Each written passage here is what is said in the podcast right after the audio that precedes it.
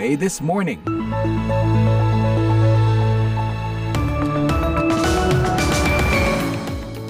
Dari ibu kota Amerika, Washington DC. Happy morning. Apa kabar? VOA This Morning kembali hadir untuk Anda pagi ini, Kamis 26 Oktober 2023. Laporan utama pagi ini, Presiden Amerika Joe Biden dihadang tantangan untuk bersikap seimbang dalam perang Israel-Hamas. The attacks by Hamas did not happen in a vacuum. The Palestinian people have been subjected to 56 years of suffocating occupation. Masih terkait Israel, Israel Hamas, laporan dari Ramallah di tepi barat, banyak orang di sana secara terbuka mengecam peran otoritas Palestina, menuntutnya melakukan pendekatan yang lebih agresif terhadap Israel.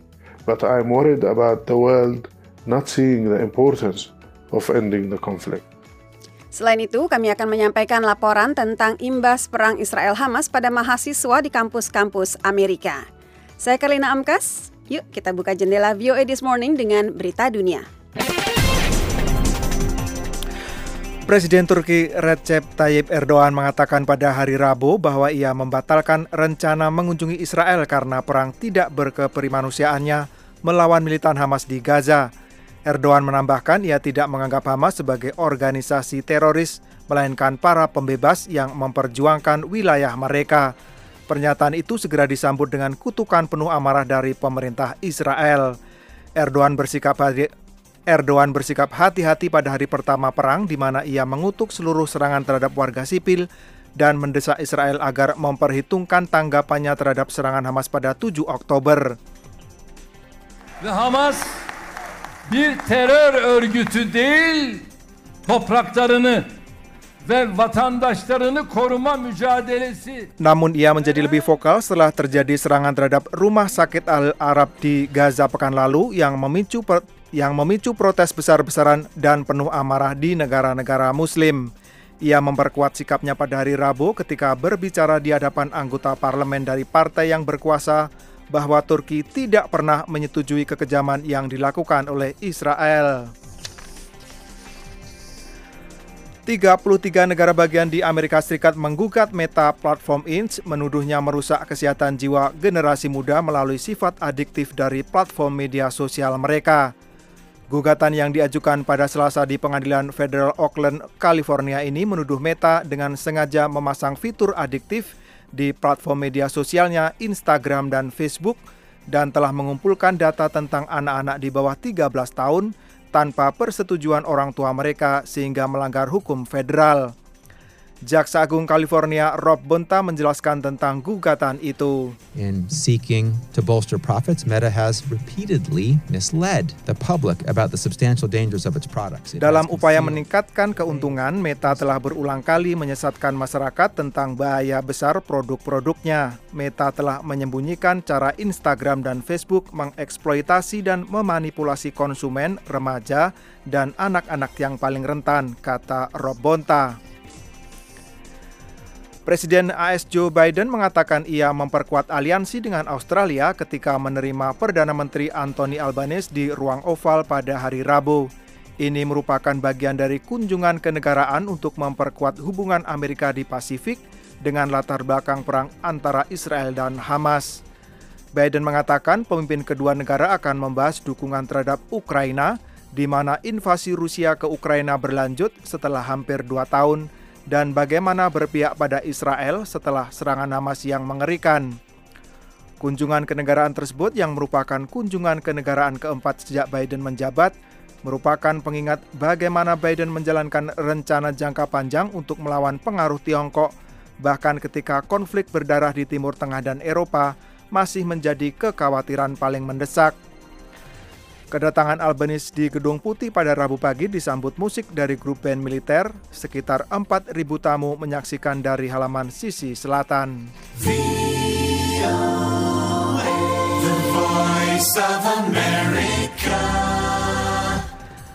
Pemerintah Ceko mengatakan pada Rabu bahwa pihaknya akan membeli 48 rudal jarak jauh udara ke udara iDerby dari Israel dalam upayanya untuk meningkatkan kapasitas pertahanan sementara perang di Ukraina berkecamuk. Anggota NATO itu akan menghabiskan 2,8 miliar koruna atau 120 juta dolar Amerika Serikat untuk membeli rudal yang dibuat oleh produsen senjata Israel Rafael yang akan dipasok pada Oktober 2027. Rudal tersebut mampu menghancurkan drone, helikopter, pesawat dan rudal musuh dalam jangkauan hingga 80 km dan pada ketinggian 20 km. Rudal iDerby akan melengkapi sistem pertahanan udara jangka pendek Spider yang juga dibuat oleh Rafael yang akan diterima Praha berdasarkan kontrak tahun 2021 senilai 630 juta dolar Amerika Serikat, kata Kementerian Pertahanan.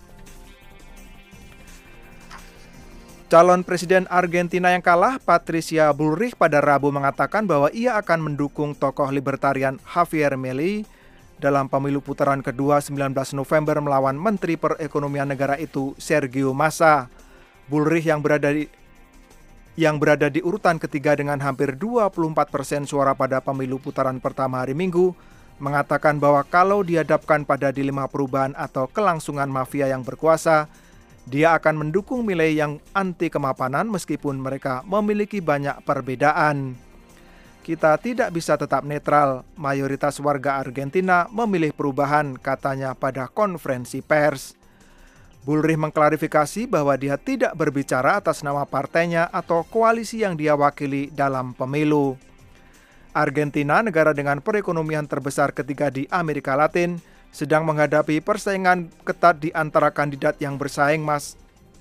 Di antara kandidat yang bersaing, Masa sangat mengejutkan karena berada di posisi teratas dengan 36,68 persen suara Meskipun Argentina menghadapi inflasi tiga digit dan catatan rekor tingkat kemiskinan dalam waktu kurang dari setahun semasa ia menjabat Menteri Perekonomian. VOA This Morning setelah berita dunia yang disampaikan Nur Hadi Sucahyo tadi, kini kita beralih ke laporan wartawan.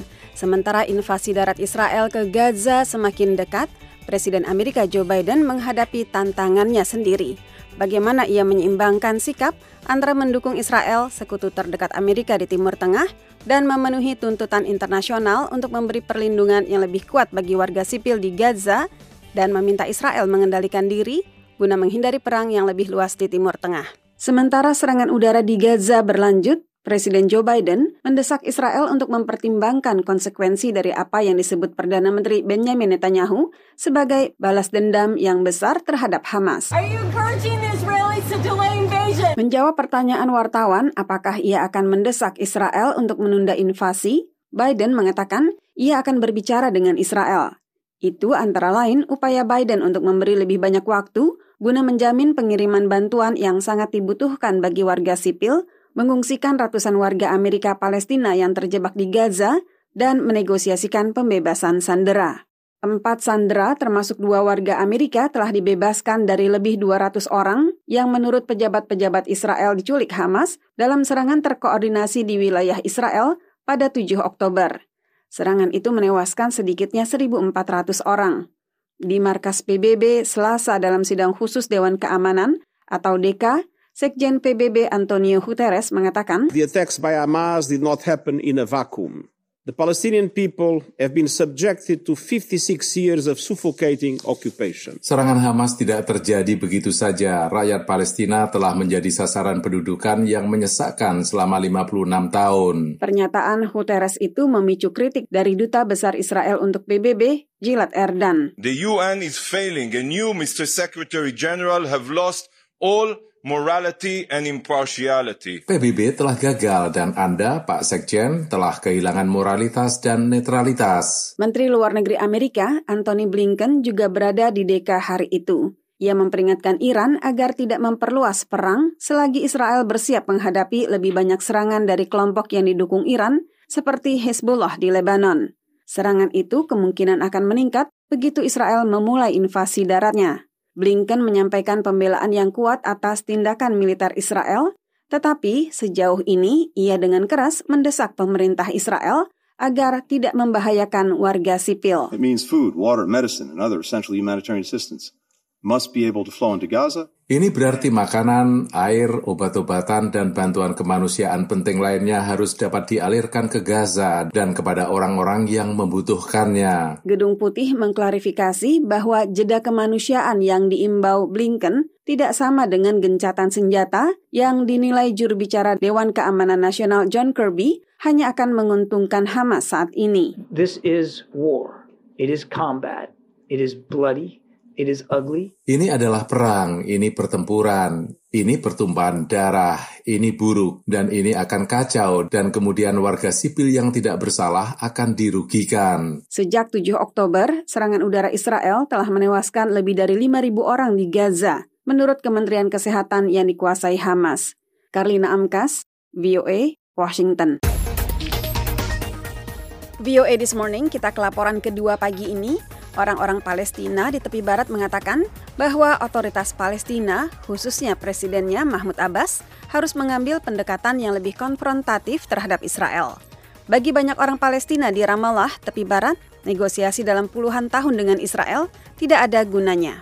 Jalan-jalan di tepi barat dipenuhi kemarahan dan frustasi. Setelah lebih dari dua pekan berlangsung perang antara Israel dan Hamas, banyak warga Palestina mengatakan kebrutalan konflik itu semakin dekat dan mereka mengecam Presiden Otoritas Palestina Mahmud Abbas yang juga dikenal sebagai Abu Mazen. Wakil Wali Kota Kusra, Othman Hassan mengatakan,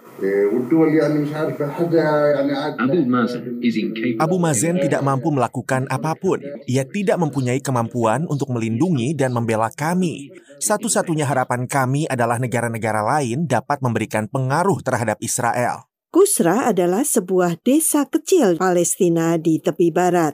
Pada tanggal 11 Oktober, kota ini diserang oleh pemukim Yahudi yang tinggal di daerah tersebut. Empat orang tewas menurut Kementerian Kesehatan Palestina. Sejak serangan Hamas di Israel Selatan tanggal 7 Oktober, sekitar 100 warga Palestina dibunuh di tepi barat oleh pasukan Israel dan pemukim Yahudi, menurut berbagai laporan.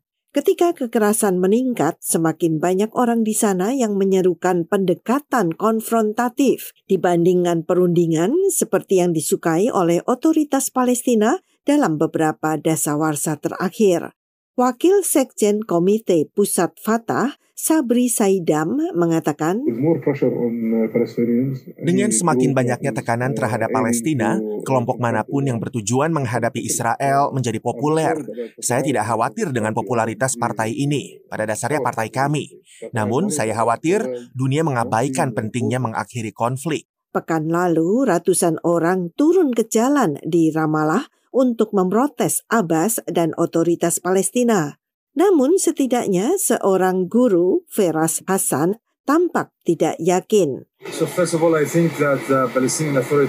Pertama-tama, saya pikir otoritas Palestina dan para politisi yang memiliki wewenang harus mulai memikirkan hal lain karena perundingan selama 30 tahun tidak membawa hasil apa pun. Ketika perpecahan di tepi barat semakin berkembang, hanya ada satu hal yang tampaknya menyatukan warga Palestina, yaitu perasaan bahwa hal terburuk masih akan terjadi.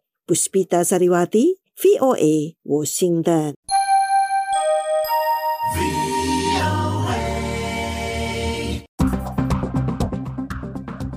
VOA This Morning, kita ke laporan ketiga pagi ini. Perang Israel-Hamas telah membangkitkan semangat para mahasiswa di berbagai kampus di Amerika. Sementara kaum muda menyuarakan opini mereka, ada pertanyaan mengenai keselamatan, hak-hak kebebasan berbicara, dan bahkan prospek kerja pada masa mendatang. Di kota New York, ketegangan terkait perang Israel-Hamas terjadi di berbagai kampus perguruan tinggi, sehingga menimbulkan pertanyaan mengenai ide universitas sebagai tempat bertukar pendapat yang beragam secara bebas. Berbagai protes di Columbia University membuat para mahasiswa yang pro-Israel dan pro-Palestina saling berhadapan, dengan beberapa di antaranya merasa diabaikan oleh apa yang mereka lihat sebagai pesan pro-Israel oleh pemerintah. Nadia Ali, mahasiswa Columbia University, mengatakan, Jelas, kami semua menentang kekerasan. Tetapi kami hanya meminta agar nyawa warga sipil Palestina juga diakui. Sebagai pemimpin komunitas yang beragam, saya pikir akan adil jika berharap pimpinan universitas mengakui kepedihan semua mahasiswa. Sekarang ini adalah masa-masa yang menegangkan di banyak kampus, di mana pakar pendidikan dan kebebasan berpendapat Kristen Shafferdian mengatakan bahwa para mahasiswa seharusnya merasa aman dalam menyatakan pandangan mereka. Ia mengemukakan, college campuses can really do a lot to protect. Kampus-kampus perguruan tinggi dapat berbuat banyak untuk melindungi kebebasan berpendapat bagi semua orang di kampus. Itu benar-benar kewajiban mereka untuk memenuhi hal tersebut, untuk memastikan semua orang memiliki kebebasan berpendapat, hak melakukan protes, hak agar suara mereka didengar, bahkan di antara begitu banyak perbedaan pendapat. Di Fakultas Hukum New York University, sebuah pernyataan dari seorang pengurus organisasi mahasiswa bahwa Israel memikul tanggung jawab penuh atas hilangnya nyawa telah mengakibatkan sebuah firma hukum terkemuka membatalkan tawaran kerjanya kepada mahasiswa tersebut. Benjamin Mappen adalah seorang mahasiswa Yahudi di New York University. Ia mengemukakan, There's always going to be debate in the classroom, and debate in the park, and debate in, you know, quads. Selalu saja akan ada perdebatan di kelas, di taman, di lapangan, dan di kampus-kampus di berbagai penjuru negeri. Tapi ini beda, ada serangan sistematis terhadap orang-orang Yahudi. Sementara administrator perguruan tinggi mempertimbangkan seruan untuk mengecam dan juga mengakui, yang lainnya khawatir kalau berbicara terang-terangan dampaknya akan sangat merugikan. Pendapat ini dikemukakan antara lain oleh mahasiswa New York University, Trevor. Ia tidak memberitahu nama lengkapnya karena ia khawatir akan dijadikan target oleh para mahasiswa lainnya. Trevor mengatakan, I choose not to voice my opinion too much about it. Saya memilih untuk tidak terlalu banyak menyuarakan pendapat saya mengenai hal ini karena begitu banyak hal sehingga membuat orang bisa keliru memahami. Di Harvard University, sepucuk surat terbuka yang ditandatangani lebih dari 30 kelompok mahasiswa yang menyatakan bahwa Israel bertanggung jawab atas serangan teroris telah membuat beberapa mahasiswa menjadi sasaran terbuka dan informasi pribadi mereka diedarkan ke publik. Potensi dampak buruk ini telah memunculkan kembali seruan bagi administrator perguruan tinggi untuk berbuat lebih banyak. Demikian info kali ini, Utami Husin, VOA Washington.